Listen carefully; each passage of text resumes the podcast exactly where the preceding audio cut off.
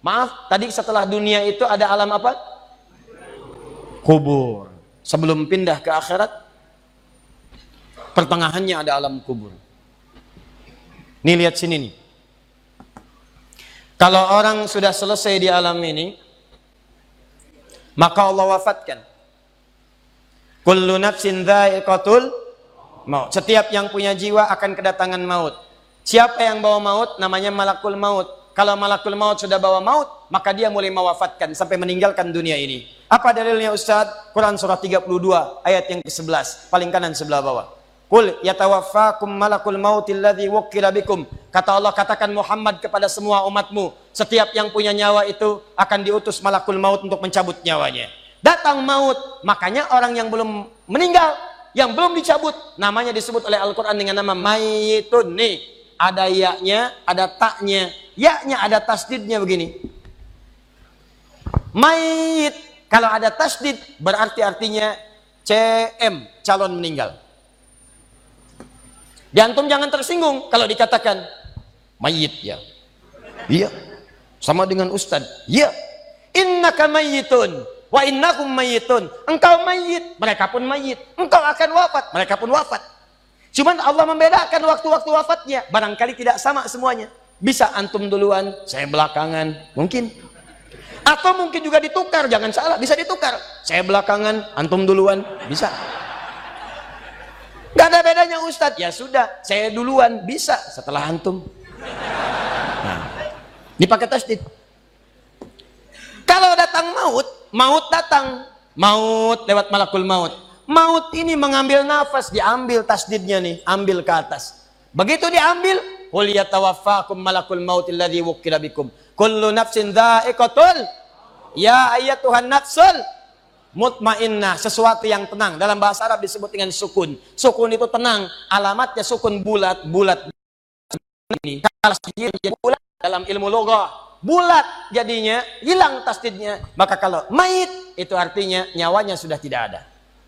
Mayitun masih ada nyawa. Diambil malakul maut jadi mayitun. Nih, alam kubur. Begitu pindah ke sini, datang malakul maut, dicabut nyawanya, maka diwafatkan ditinggalkan dunia ini. Maka orang mengatakan telah meninggal dunia. Artinya apa? Ditinggalkan dunianya. Lihat sini, fokus. Karena alam kubur beda sifatnya dengan dunia. Lain tempatnya, lain keadaannya, maka lain pula bekalnya. Jangankan alam kubur, beda tempat di dunia saja sudah beda keadaannya. Anda orang Indonesia ingin datang ke Malaysia, kalau bekalnya tidak ada Anda bawa, tidak akan mungkin Anda bisa masuk. Apa di antara bekalnya? Ada paspor yang mesti distempel begitu masuk imigrasi. Pergi lebih jauh lagi misalnya saya pengen ke Australia, maka Anda harus ngajukan untuk mendapatkan visa. Lebih jauh ke Amerika, visanya bisa lebih sulit lagi. Maka bagaimana dengan alam kubur yang sifat keadaannya beda dengan dunia. Makanya bekalnya pun tidak akan sama. Jadi kalau Anda cuma mengumpulkan bekal dunia, maka semua bekal itu akan ditinggalkan saat di dunia. Maka orang mengatakan meninggal dunia, maksudnya meninggalkan dunia dengan semua bekalnya. Nih, maaf ya, jam dunia. Baju dunia. Handphone dunia. Gelas dunia. Jadi semua yang kita dapatkan di dunia, rumah yang luaskah? Mobil yang mewahkah? Pakaian yang glamorkah? Kalau sudah meninggalkan semua alam dunia itu, maka hilanglah semua yang kita kenakan.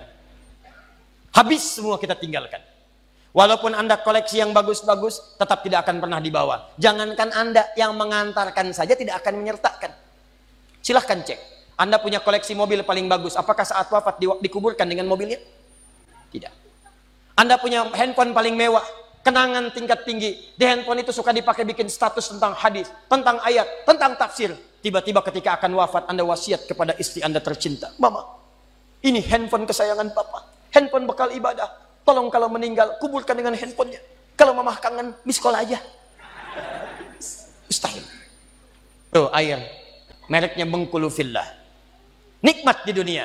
Tapi apakah ketika masuk ke alam kubur dibawa? Tidak. Selesai. Maka bagian pertama, Anda mesti sadar, ini yang mau saya sampaikan. Dan dari sini, saya akan lebih fokus kepada apa yang ingin saya sampaikan. Kita mesti sadar teman-teman sekalian, pertama kata Allah kita akan wafat. antum akan meninggal. Wafat. Wafat. Wafat. Wafat. Jadi antum kalau melihat di cermin tuh, ngaca dulu, ngaca, tunjuk wajah antum, wafat. Akan wafat. Ketika Anda sadar Anda akan wafat meninggalkan dunia ini, maka Anda mesti paham, udah punya bekal belum untuk pulang? Udah punya persiapan belum? Jangan-jangan Anda sibuk menyalakan rumah dunia Anda. Begitu padam listriknya sibuk, telepon PLN, telepon ini, telepon itu. Masuk ke alam kubur nggak ada cahaya, mau PLN mana yang dihubungi? PLN yang datang malaikat mungkar. Eh, menerbuka. Siapa Tuhanmu? Siapa nabimu? Apa kitabmu? PLN. gelap gelap dan gelap. Karena itu orang-orang yang tidak siap dengan kehidupan berikutnya, maka mohon maaf, dia akan merasa ketakutan ketika meninggalkan dunia ini. Bahkan ada yang saking takutnya, malaikat langsung bergerak untuk memaksa dia cepat meninggalkan tubuh dunianya. Muncul Quran surah ke-8 ayat ke-50. Kata malaikat, akhriju anfusakum. Kamu ini susah banget pulangnya, maka dipukulin oleh malaikat. Pukul, pukul, pukul, pukul. Teman-teman, karena alam kubur itu bekal yang bukan bekal dunia, maka Anda tidak akan pernah bisa membawa cahaya dunia ke alam kubur. Maka saya ajak Anda pada malam hari ini, coba ayo kita berubah. Tolong pikir baik-baik, tidak akan ada yang abadi. Dan besok pun belum tentu hidup. Demi Allah saya katakan, Allah bisa mewafatkan kita pada malam hari ini. Saya cuma mau tanya sebentar aja renungkan. Tolong tanya pertanyaan saya ini, tanyakan pada diri Anda sebelum tidur.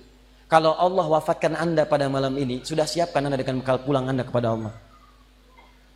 Karena itu hukum mengatakan orang yang tidak punya bekal maka dia tidak siap untuk mudik. Tuh lihat Ramadan tuh. Ntar sebentar lagi, tersisa tinggal 2 sampai 3 bulan ke depan datang bulan Ramadan. Begitu di ujung Ramadan, orang semua siap-siap mudik. Demi Allah saya katakan saya pernah mengadakan survei kecil-kecilan. Saya tanyakan pada sementara orang yang tidak mudik. Saya tanya kenapa nggak mudik? Ustadz nggak ada bekal. Dunia saja tidak punya bekal, malu mudik. Tidak punya bekal, susah mudik.